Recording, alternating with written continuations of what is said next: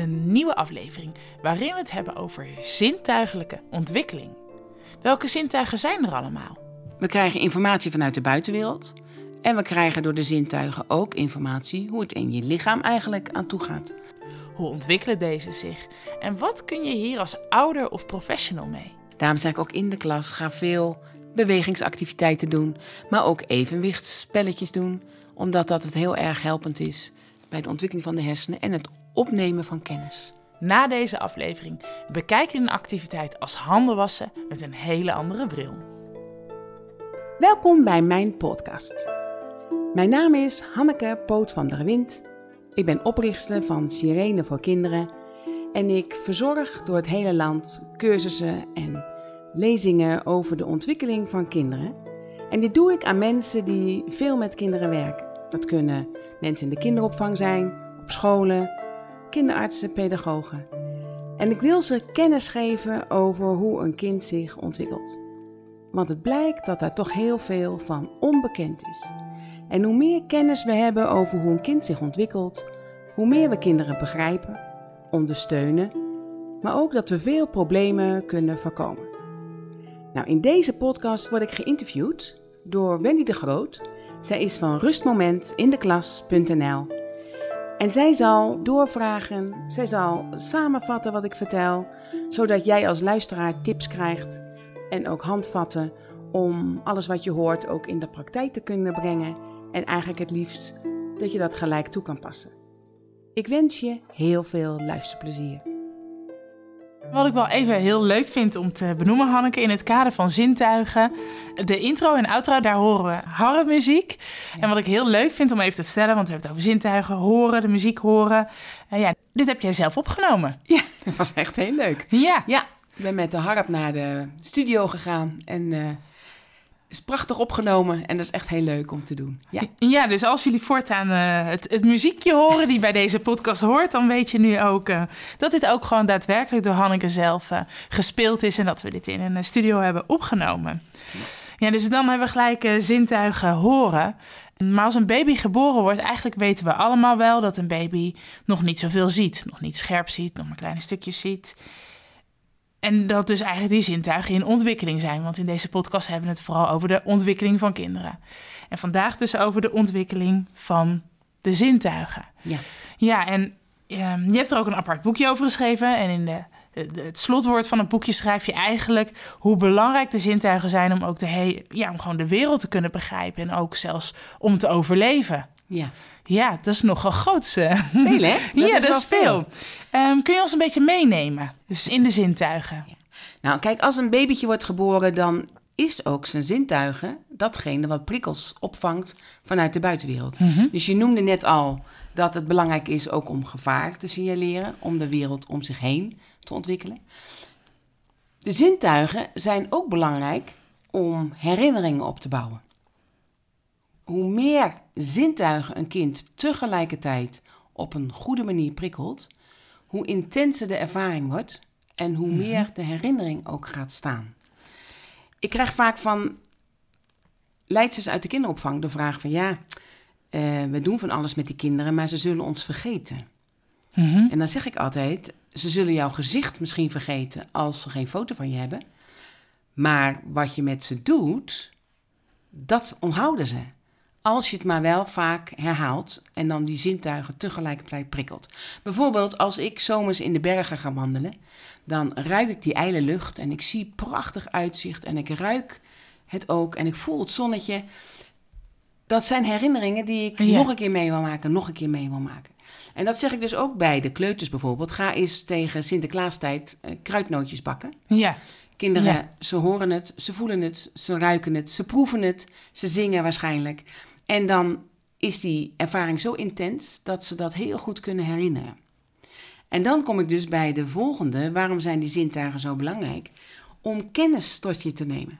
Mhm. Ik zeg ook vaak, een jong kind leert niet uit een boek wat een koe is. Je moet een koe zien, horen, ruiken, proeven, voelen, nabewegen. Dat wordt de koe. Dus die zintuigen zijn zo belangrijk voor die cognitieve, die verstandelijke ontwikkeling.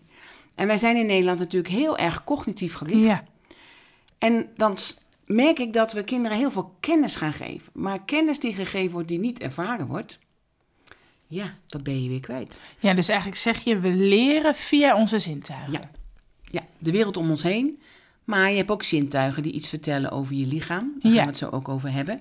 Maar we hebben dus, we krijgen informatie vanuit de buitenwereld. En we krijgen door de zintuigen ook informatie hoe het in je lichaam eigenlijk aan toe gaat. Mhm. En dat is natuurlijk wel hele belangrijke informatie. Ja, ja want nu eh, in het voorbeeld geef je ook dat je de berglucht bijvoorbeeld ruikt. Ja, ons onderwijs is natuurlijk vooral gericht op dingen zien en horen. Ja. En wat minder gericht op de andere zintuigen. Ja, dat is wel apart hè? Ja, Want we hebben er heel veel gekregen, maar die zijn het waard om ook te prikkelen. Bijvoorbeeld ruiken en proeven. Dat zijn zintuigen, althans zintuigelijke ervaringen, die Ja. heel belangrijk zijn voor het genieten van het leven. Ruiken doe je met je neus, maar ook met je mond en neusholte. En proeven doe je met je tong, maar ook met je mond en neusholte. Vandaar dat als een kind eh, verkouden is, ze nog kunnen ruiken, nog, nog kunnen proeven. Dat hebben wij als volwassenen ook. ja, Dat betekent dus ook, als wij zeggen dus dat ruiken en proeven de zintuigen voor het genieten van het leven is, Mhm. of zijn, dan betekent dat dat een kind die verkouden is, dus niet zo kan genieten. En dat zie je ook. Dat, als ik zelf heel erg verkouden ben, heb ik ook zoiets van, joh, laat me nou maar. ja, Ik sta ja. een beetje in standje overleven. Ja, En ruiken is het enige zintuig die bij de geboorte helemaal klaar is. Oké. En ruiken maakt dat je je veilig voelt, geborgen. Mhm. Vandaar dat als een kind geboren wordt, ze gelijk bij de moeder worden gelegd. Het advies bij de kinderopvang ook vaak is: geef een kind een t-shirt of een knuffel mee die naar mama ruikt. Ja, Want ruiken is zo belangrijk voor de veiligheid. Dat is ook een van de redenen waarom heel veel kinderen op school niet meer naar de wc willen. Want de wc's zijn niet altijd schoon op een school. En dat ruikt er anders, waardoor kinderen zeker met ontlasting problemen krijgen. ja. Hebben volwassenen Herkenbaar. trouwens ook. Ja. Op vakantie hebben veel volwassenen ook last met Ja. een ontlasting. Eh, je kunt je pas veilig voelen als het veilig ruikt. Mm. En proeven, ja, proeven is, zijn de zintuigen, of de zintuigen voor proeven, zijn belangrijk voor, om het goedheid van het leven te ervaren. En ja, daarom is ook samen eten zo Positief. positief. Het Ja. is sfeerbepalend. Je ervaart goedheid, je ervaart veiligheid. En dat is gewoon heel kostbaar. En dat zou heel mooi zijn als we op scholen veel meer met ruiken en proeven bezig zouden zijn. Ik zeg In ons wel onderwijs meer het ruiken en proeven integreren. neem bijvoorbeeld eens eh, fruit mee. Als je alleen al citrusproducten bij elkaar doet, je hebt sinaasappel en een grapefruit en een citroen. Dat zijn allemaal verschillende kleuren, verschillende vormen, verschillende geuren en ze smaken allemaal anders. Nou, als je daar met de kinderen mee aan de gang gaat, is dat een hele rijke ervaring. Dat is ook, we hebben tegenwoordig veel scholen waar meerdere culturen zijn. Mhm. En ik zie altijd als dan de lunchboxjes opengaan, Ja, allemaal verschillende voedsel. Dan kan het ook wel zijn dat een kind niet naast een ander kind wil zitten om de geur. ja, Kijk, als Pietje veel knoflook eet en Jantje eet veel uien, dat geeft geuren af. En dat betekent dat als een ander kind dat niet veilig vindt, ze er niet naast willen zitten.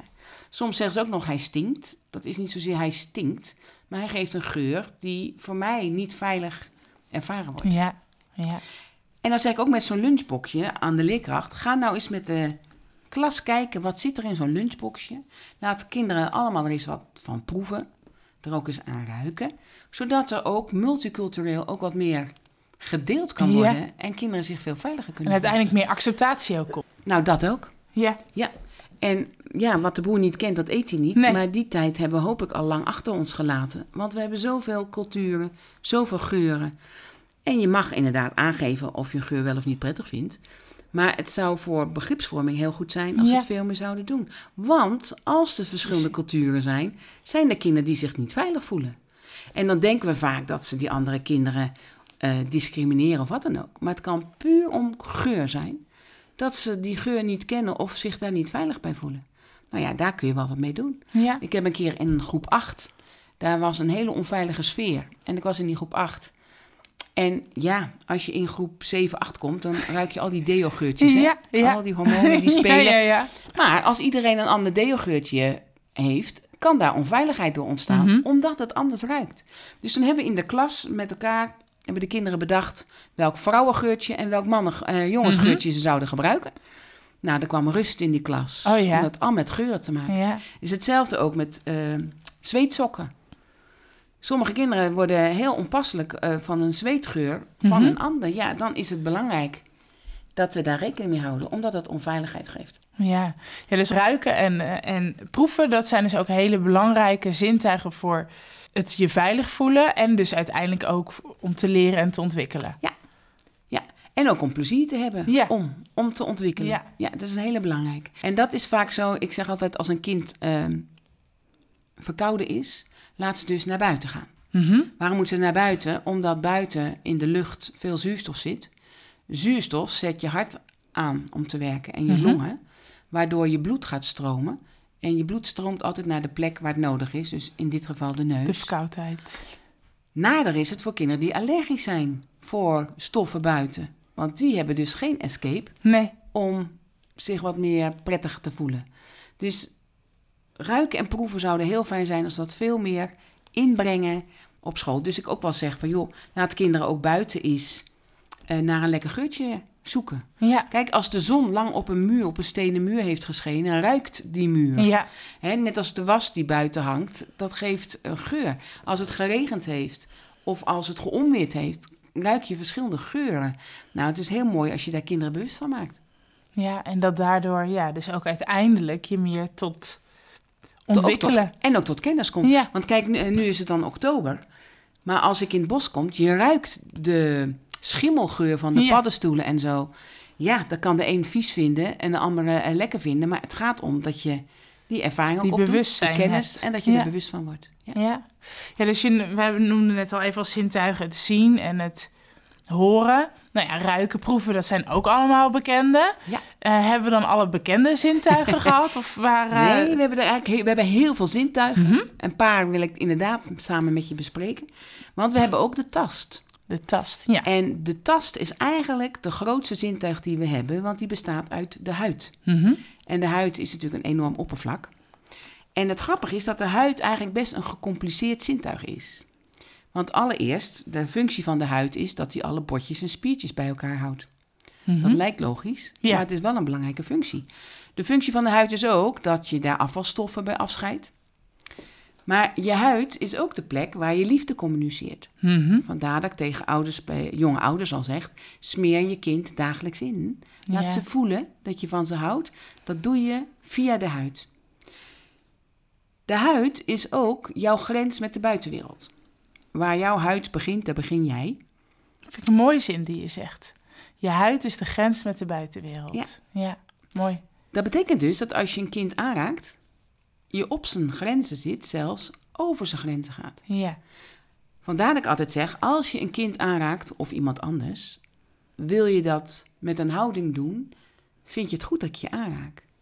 Want daardoor leer je respect. Ik weet dat toen ik zelf zwanger was, dat iedereen opeens aan mijn buik ging zitten. Dat ik dacht: hoe kom je daar aan ja. om dat te doen doen? we dat? Ja. Dat is respectloos. Ongewenste intimiteiten, dat zijn aanrakingen waarbij we niet checken of het ontvangen wordt en welkom is. Aanraking heeft alles met respect te maken. Mhm. En daarom is het ook zo belangrijk dat we leren, ook kinderen onderling, dat ze met elkaar met respect omgaan.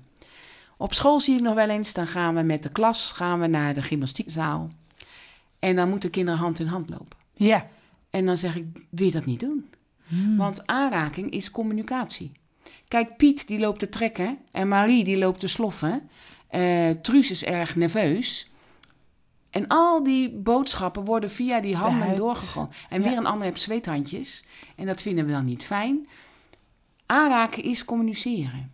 Als ik iemand masseer en ik leg mijn hand op de persoon, dan communiceer je al gelijk. Ja. Soms begint ook iemand te huilen als je ze aanraakt. En daar moeten we veel meer bewust van Bewust zijn. van zijn wat maar wij vinden het heel doet. normaal, ja. We vinden het ook heel normaal dat kinderen elkaar aanraken. En denk, maar dat is het niet. Eh, leer ze daar ook mee. En ook, ik zie ook wel eens op scholen ontstaan dat we met de kinderen onderling gaan masseren. Dan denk ik, nou, dat vind ik niet wat zomaar vanzelfsprekend kan. Want het is communiceren en dat is ook vaak grensoverschrijdend. Dan is het belangrijk dat je met, aan elkaar vraagt: vind jij het goed dat ik je aanraak? Ja. Kijk, je ziet ook wel eens als teamuitje dat mensen elkaar gaan leren masseren. Oh. Daar kun je voor kiezen. Ja, Ja. daar kun je voor kiezen. Maar dan moet je zelf ja zeggen. En anders moet je het gewoon niet doen. Want je gaat, het is grensoverschrijdend. Dus de huid heeft nogal wat, als zintuig, Ja. heel wat te- eh, in de melk te brokkelen. Ja. Daarbij komt ook dat je huid kleur bekent. Je bent rood van schaamte, wit van schrik, blauw van de kou, groen van ellende. Dus ik ook altijd zeg, kijk naar de huid. Want de huid laat ook zien hoe een kind zich voelt. Nou ja, En dat zijn ook weer belangrijke... informatie om te gebruiken als je met kinderen werkt. Zeker. Ja, dus Ja. Het, het, het zintuig van je tast... Nou, is, is belangrijk om te snappen wat dat precies doet. En dat we dat dus ook Ja. hebben. En dat we dus ook daar met respect mee omgaan. Ja. En niet eh, ook over het een bolletje aaien. Mhm. Ik zeg, doe dat nooit. Je mag pas een kind aanraken als je hem in de ogen hebt gekeken. Dat je kan zien wat het effect daarvan is. Ik zag pas op een school, en dat was dan bij de kleuters, en stond een leerkracht bij de deur. En die stuurde die kinderen via het hoofd aan. Oh, die pakte het hoofd vast hoofd vast om, ga jij maar op. die kant op en ga jij maar die kant op. Oh ja. Dat is non-dan. Je ziet ook heel veel kinderen wegduiken. Dan. Of eigenlijk geïrriteerd reageren. Dat zie ik ook wel eens als we kinderen door willen laten lopen. Dan doen we ons hand tegen het achterhoofd. Zo van, nou loop eens door. Mhm. Dat is non-dan. Dan zeg ik, moet je eens voorstellen dat ik dat bij jou doe. Dan duik je ook weg. Dan denk je, blijf van me af. Ja. Ja. Dus de huid heeft veel, eh, geeft heel veel informatie. Ja. Daarbij komt ook de huid bij de mond. Eh, is een heel belangrijk zintuig dus om liefde te communiceren. Oké. Vaak bij baby's tril je hier. Mhm. Maar dat betekent ook dat je niet zomaar een washand over de mond kan doen. Oké. Want het is een totale overprikkeling. Omdat het veel te ruw is om daar eh, op die manier te communiceren met een Ja. kind. Ja. Dus de die heel dat komt natuurlijk in de opvang ook veel voor. Heel voor. Heel veel voor. Ja. Ja. En dan zeg ik, dat, dat kan niet zomaar. Geef kind gewoon een lekkere Want- warme washand zelf. Ja, zelf doen. Dat ze er en zelf dan kan je daarna wel zeggen, ga je tegenover het kind zitten en zeg je van, joh, ik maak het even verder netjes af. Ja. Dus geen kind die dat vervelend vindt, want je hebt het voor eh, aangezegd. Maar ik doe het met respect, je kijkt het kind aan. ja, en ze ontwikkelen natuurlijk daarmee ook gewoon hun eigen gevoel. Zeker. En ook dat ze grenzen aan mogen geven. Ja. Vaak leren ouders hun kinderen, je mag, je, je mag nee zeggen. Nou, allereerst hebben we in een vorige podcast al gezien dat je dat die identiteit goed hebt moeten ontwikkelen. Ja. Maar wil jij je grenzen bewaken, dus ook leren nee zeggen, dan moet je je grenzen wel voelen. Dus dat doe ik ook bij volwassenen hoor. Dan zeg ik, voel je grens, je eigen grens. Ga eens met een douchekop heel langzaam over je huid. Mhm. Voel je eigen huid, zodat je je grenzen leert voelen. Ja. En dat kan ook met body lotion. Maar voor kinderen is dat heel belangrijk om te leren. Ja, en dus een belangrijk zintuig die we, nou ja, nu doordat we er bewust van zijn, er bewuster mee om kunnen gaan. Heel graag. Ja. Ja, dat zou heel mooi zijn. Zijn er nog meer zintuigen, Hanneke? Nou, een hele moeilijke naam heeft deze. Het is Ja? de proprioceptis. Proprioceptis is de zintuig van de bewegings- en houdingszin. Dat zijn allemaal eh, sensoren, zintuigen, die zitten in je spieren, banden, kapsels. En die continu je hersenen informatie geven hoe je staat, hoe je zit, hoe je beweegt. Dit is een heel belangrijk zintuig om bijvoorbeeld de techniek van sporten te leren kennen. Ja. Als je bijvoorbeeld wil leren tennissen, dan vraagt de tennisleraar om 100 keer die bal op te gooien en een zwaaibeweging te maken. En als die goed gaat, dan mag je gaan serveren. Dus je leert de techniek van sporten. Ik zie tegenwoordig heel veel huishoudens die hebben zo'n grote trampoline in de tuin. Ja. Ik ben daar niet zo blij mee. Oh, Allereerst heb ik al heel wat kinderen moeten behandelen die ongeluk hebben gekregen met de trampoline. het is nummer één eh, op de eerste hulp, hè, Ja. waar mijn kinderen mee Ja, en binnenkomen. die springkussens. Het tweede is, als je naar, bijvoorbeeld naar de Olympische Spelen kijkt, waar ze trampolines springen. Die mensen zijn kaarsrecht. Die hebben al hun spieren getraind om hun gewrichten te beschermen. Ja. Maar ja, als ik mijn kinderen zie op een grote trampoline, ze zijn zelden alleen, vaak met een vriendje of vriendinnetje.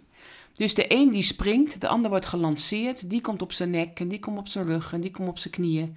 Waardoor je veel, eh, veel te veel prikkels krijgt in het lijf. Ja. Daarbij komt ook dat ik ook wel wat kinderen behandeld heb die hun groeikernen in hun gewrichten hebben beschadigd door te veel te springen op een trampoline. Dus die kleine trampoline waar je je eentje op zit, dat, dat is niet zo ernstig. Maar die hele grote in tuinen, waar ouders toch vaak enthousiast over zijn, want ze kunnen uren erop doorbrengen. Ja, ja. Ik ben daar niet gelukkig mee. Nee, het, eh, het lichaam krijgt te veel prikkels eh, waar, ze, waar ze zich niet tegen kan wapenen. En de spieren zijn te weinig ontwikkeld. Dus ik zeg vaak tegen ouders: als je zo'n grote trampoline aan wil schaffen, doe je kinderen dan eerst op een trampolinevereniging. Zorg dat ze hun lichaam goed getraind hebben. ja. En dat is wel iets Nederlands. Wij denken eigenlijk alles zo te kunnen. Hè, ook als, als je gaat kijken bij skiën. Nederlandse kinderen zijn vaak heel gevaarlijk met skiën. ja. Waarom? Ze hebben niet geleerd wat een bochtje maken is of om te remmen. Ze doen We maar gaan wat. gewoon. Maar als er wat gebeurt, moet je de techniek van die sport kennen. Je moet weten hoe je een bochtje maakt of hoe je remt. ja. En dat zie ik bij de sport, maar dat zie ik ook bij muziekinstrumenten bijvoorbeeld spelen. Je moet leren wat je goede houding is, wat een goede ademhaling is. Wil je dat goed kunnen doen? Nou, op scholen heb, zie ik dat weer met de computer. Mhm. Om een computer te gebruiken om kennis te vinden, is een goede houding heel belangrijk. Maar de een hangt en de ander zit half over zijn stoel. En dus die lichamen staan niet goed in balans of in opname van kennis. Dan denk ik, ja, eerst moet je ze een goede houding aanreiken voordat je met de computer kan laten werken. Ja, en die goede houding ontstaat dan vanuit dat, onder andere vanuit het zint, zintuig van de proprioceptie. Ja, dat je leert voelen hoe je je houding moet zijn. En dat moet ik altijd wel grinniken als ik naar de, bijvoorbeeld de wereldkampioenschappen schaatsen kijk. Mhm. Dan hoor ik ze praten over dat ze één graad hebben, een hoek van één graad veranderd hebben bij het schaatsen. Mhm. Waardoor je sneller schaatst. Dat is dus die proprioceptie. Dat, Ja. je, dat zijn mensen die dus heel fijn kunnen voelen wat al die verschillende standen doen. Nou, dat is die propriocepties. En deze zintuigen zijn ook heel erg drukgevoelig. Je hebt ook kinderen die als je daar heel zachtjes op drukt, dat ze dan tot rust komen. Geldt Ja. niet voor alle kinderen. Maar dat heeft dus ook met, deze zin, met dit zintuig te maken, met die propriocepties. Ja, daar hebben we natuurlijk in een, een van de eerste afleveringen over gehad, over die verzwaringsdekens. Ja. Dat sommige kinderen het heel fijn vinden en Maar sommige niet. helemaal niet. Nee, en dat En- heeft met dit zintuig te maken. Ja. En we gaan ook in het volgende podcast kijken naar de prikkelverwerking. Ja. Maar je hebt kinderen die deze prikkels nodig hebben, maar je hebt ook kinderen die deze prikkels niet nodig hebben. Nee. Qua druk, als, als drukervaring. Ja, dat klopt. De proprioceptie, een over het algemeen onbekend zintuig. Ja, hè? en zeker het woord. Maar dat is een van de zintuigen. We hebben het altijd over de vijf eh, die Ja. we net benoemd hebben. Maar we hebben natuurlijk, we hebben, of natuurlijk, we hebben veel meer zintuigen. Ja. En dit zijn wel zintuigen die informatie ook geven over hoe in jouw lijf het werkt. Ja. Die eerste vijf die we net besproken hebben zijn zintuigen naar buiten toe. Hoe leren we de buitenwereld? Dit is wel een zintuig die ook leert, ja, hoe zit het nou in mijn eigen lijf? Mhm. En hoe kan ik mijn eigen lijf inzetten voor dingen?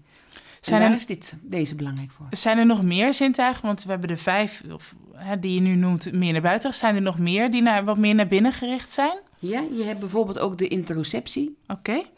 De interoceptie is dat in alle organen zitten zintuigen die steeds informatie geven. Bijvoorbeeld, als jij een volle blaas hebt, dan krijg je de prikkel van, joh, je moet naar de wc gaan, want eh, anders krijg je er last van. Normaal voel je je organen niet zo, maar er zijn momenten dat je die organen dus wel voelt. En dat geeft de informatie over je lijf.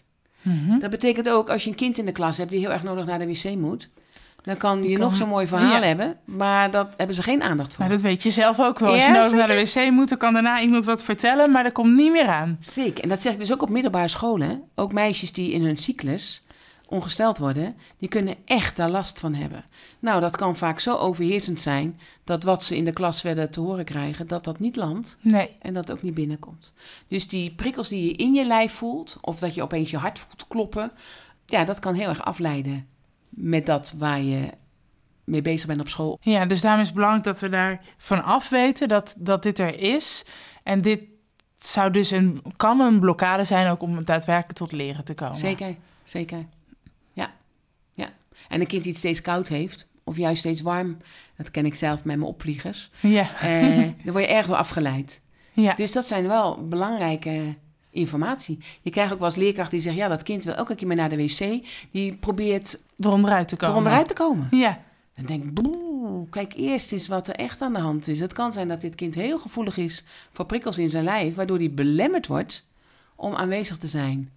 Het kan trouwens ook dat het kind blaastraining nodig heeft. Dat Ja. zijn ook dingen. Maar wees heel alert met je oordeel. Want we zijn Ja. zo snel met oordeel klaar. Ja. Ja. Ja. En dan ook weer, wat we al vaker zeggen, snap wat je ziet. Want dan kan je een kind heel anders benaderen. Ja. En anders worden problemen vaak erger, omdat er steeds meer stress bij komt en dit soort dingen alleen maar erger worden. Ja. Ja. ja, dus de interoceptie gaat dus vooral over de organen. Die gaan over de organen binnenwaarts. Ja. En we hebben ook nog de evenwichtsorganen. Mhm. Dat zit vooral in de zintuigen. De zintuigen zit vooral in de kleine hersenen onderin. En ja, het bijzondere daarvan is dat eigenlijk bijna alle zintuigen geven prikkels af aan de kleine hersenen. Bijna alle zintuigen geven prikkels af van de kleine hersenen. Ja. ja. En dat betekent dus dat eh, die kleine hersenen dus ook via zintuigen geprikkeld wordt. Mhm. En wij hebben al eerder in een podcast met elkaar besproken dat als je gaat rollen, Mhm. dat dat ook een intensieve prikkel is voor de evenwichtsorganen. Ja. Die worden dus ook geprikkeld door de zintuigen. Dan zien we weer die sensomotorische ontwikkeling. Ja. En die ontplooit de hersenen. En daardoor kunnen de hersenen tot concentratie komen, tot ehm, kennis komen, tot ontwikkeling komen. En dus ook de evenwichtsorganen zijn van invloed op het leren. Heel veel. Daarom zeg ik ook in de klas, ga veel bewegingsactiviteiten doen. Maar ook evenwichtsspelletjes doen. Omdat dat het heel erg helpend is bij de ontwikkeling van de hersenen en het opnemen van kennis.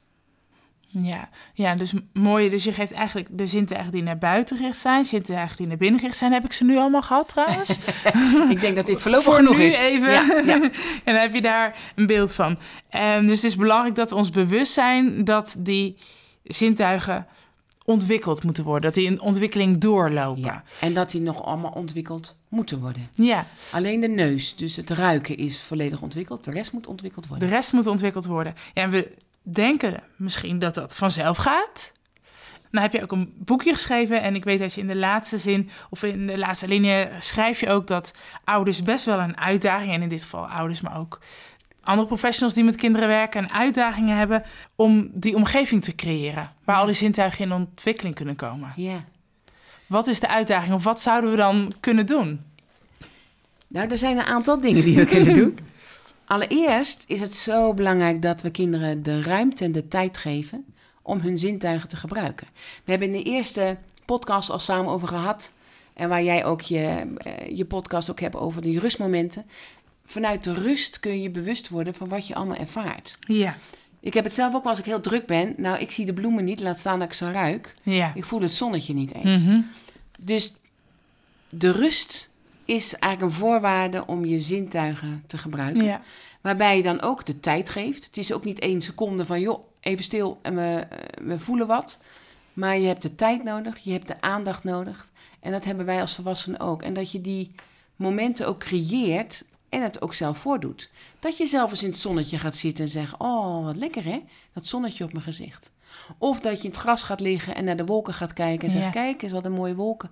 Wat, wat voor figuren zitten er in die wolken. ja. Het zijn eigenlijk gewoon simpele activiteiten, maar voor kinderen zo ontzettend waardevol. Eigenlijk die verwondering, Dat is die heeft het kind eigenlijk al van zichzelf. Ja, want dat prikkelt hem ook tot nieuwsgierigheid, waardoor hij de wereld wil Ja, ontdekken. alleen wij gaan vaak gehaast door en Precies. slaan dat over. Ja, en dat zie je dus ook als je een kleintje hebt, bijvoorbeeld een, een peuter, die kan over 100 meter een, een uur doen. Ja. Ze zien alles, ze ruiken alles, ze proeven alles, ze voelen alles, ze doen ook van alles in de mond.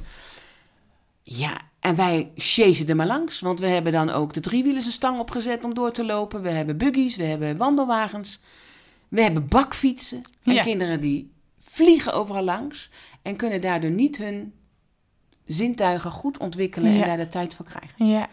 En dan is het ook belangrijk dat we kinderen ondertitelen. Dus dat je zegt van, oh, ik voel het zonnetje, wat is dat lekker warm. Hmm. Of dat het regent en ik word nat. Dat je Dus- eigenlijk taal geeft aan hun ervaringen. Ja, dat onderstreept hun ervaring. Ja. Dus bij baby's zeg ik altijd, baby's doen eerst ervaringen op.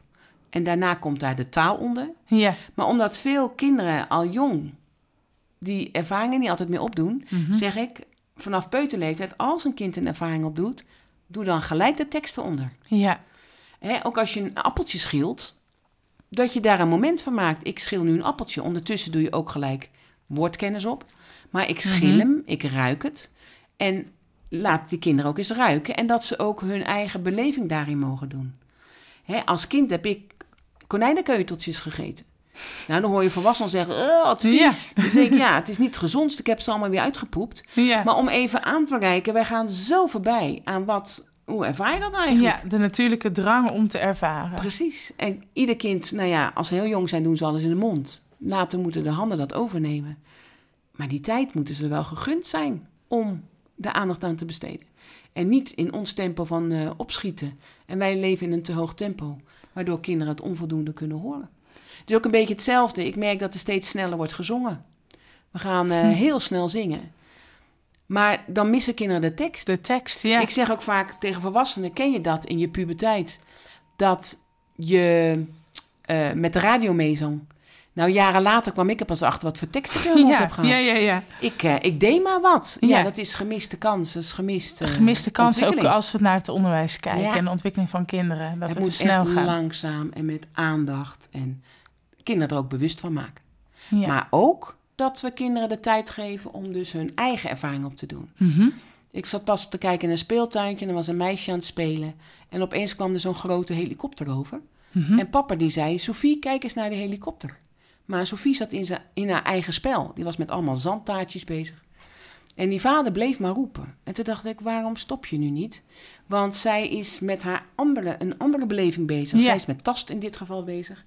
Gun haar dat moment. En als zij het belangrijk had gevonden, had ze het gehoord en had ze zelf gekeken. Dus dat we kinderen ook de tijd geven om te mogen ervaren waar zij op dat moment mee Mm, bezig zijn. Ja, En wij willen maar allemaal dat goed bedoeld hoor. Maar ja. vaak allemaal dingen laten zien of horen of proeven enzovoort. Wat wij belangrijk vinden. En dat is hetzelfde ook met eten. Jonge kinderen zeggen dat laat ze met de handen eten. Ja, veel ouders vinden dat vies. ja. Maar dan denk ik, ja, maar zij voelen en ruiken en proeven en dat is leren eten. Maar dan moeten we ze wel de ruimte geven om het zo te mogen doen. Ja, en als je dat echt, dat, al die zintuigen dus bij dat eten ook gebruikt, heb je daar later ook weer profijt van. Precies. Omdat je dat dus kennis. voldoende hebt ontwikkeld. Ja, en het geeft kennis. En kinderen blijven dan ook de behoefte hebben, wat, we- wat je net al zei, door die verwondering blijf je nieuwsgierig. Maar heel veel kinderen die zijn niet meer zo nieuwsgierig. Want ja, als jij die zintuigen niet mag gebruiken, ja, dan is horen en zien vrij beperkend. Ja. Ja, dus je geeft ons eigenlijk mee, creëer ruimte voor rust, tijd en aandacht. Ik moest ook denken aan, ehm, ik was van de week appeltaart aan het, sche- aan het maken. Nou goed, dus dat, dat deden ze zelf, de jongens. Ik, ik heb twee jongens. Ehm, maar daarna hebben ze plakhanden en dan laat ik ze eigenlijk gelijk handen wassen. Terwijl misschien zat daar dus tijd tussen. Dat ze echt even die plakhanden voelen, totdat ze misschien zelf tot de ontdekking komen. Hé, hey, dit is toch niet zo fijn? Nou ja, of dat je ze dus bewust van maakt, hé, hey, hoe voelt dat nou aan je handen? Ja, Plak dat, ga eens voelen, Ja. ga eens plakken. ja. Dus dat zijn al die stapjes. En als je dan gaat afwassen, nou eerst maar eens kijken, wat gaan we erop doen? Doen we wat zeep? Ruik eens. Ja. Wat vind je ervan? En eh, ga maar lekker heel je handen. Dus je bent met zoveel dingen bezig Ja. waar we eigenlijk... Wij, ons doel is handen wassen. Ja, Maar er zitten heel veel stappen tussen die kinderen ervaring, belevingen geven. Ja, ja, heel veel kansen voor Ja. hun zintuigelijke ontwikkeling zit daarin. Dus we kunnen nu naar dit soort kleine dingen kijken als kansen voor zintuigelijke ontwikkeling. En daar hebben we gewoon tijd en aandacht voor nodig. Ik vind het ook heel mooi dat je zegt die ondertiteling. Geef woorden mee aan de ervaring. Nou ja, en de, je gaf eigenlijk als derde tip de eigen beleving. Ja, Gun kinderen hun eigen beleving. zeker. Ja. Nou, we hebben een aardig eh, kijkje gekregen in eh, de zintuigelijke ontwikkeling. Hè? Waarom zintuigen belangrijk zijn. Welke zintuigen, nou, je hebt ons een beetje meegenomen. Zintuigen naar buiten en naar binnen gericht. En we hebben wat tips gekregen. Jazeker. Als we dan eh, naar de afronding gaan, dan komt de bekende vraag.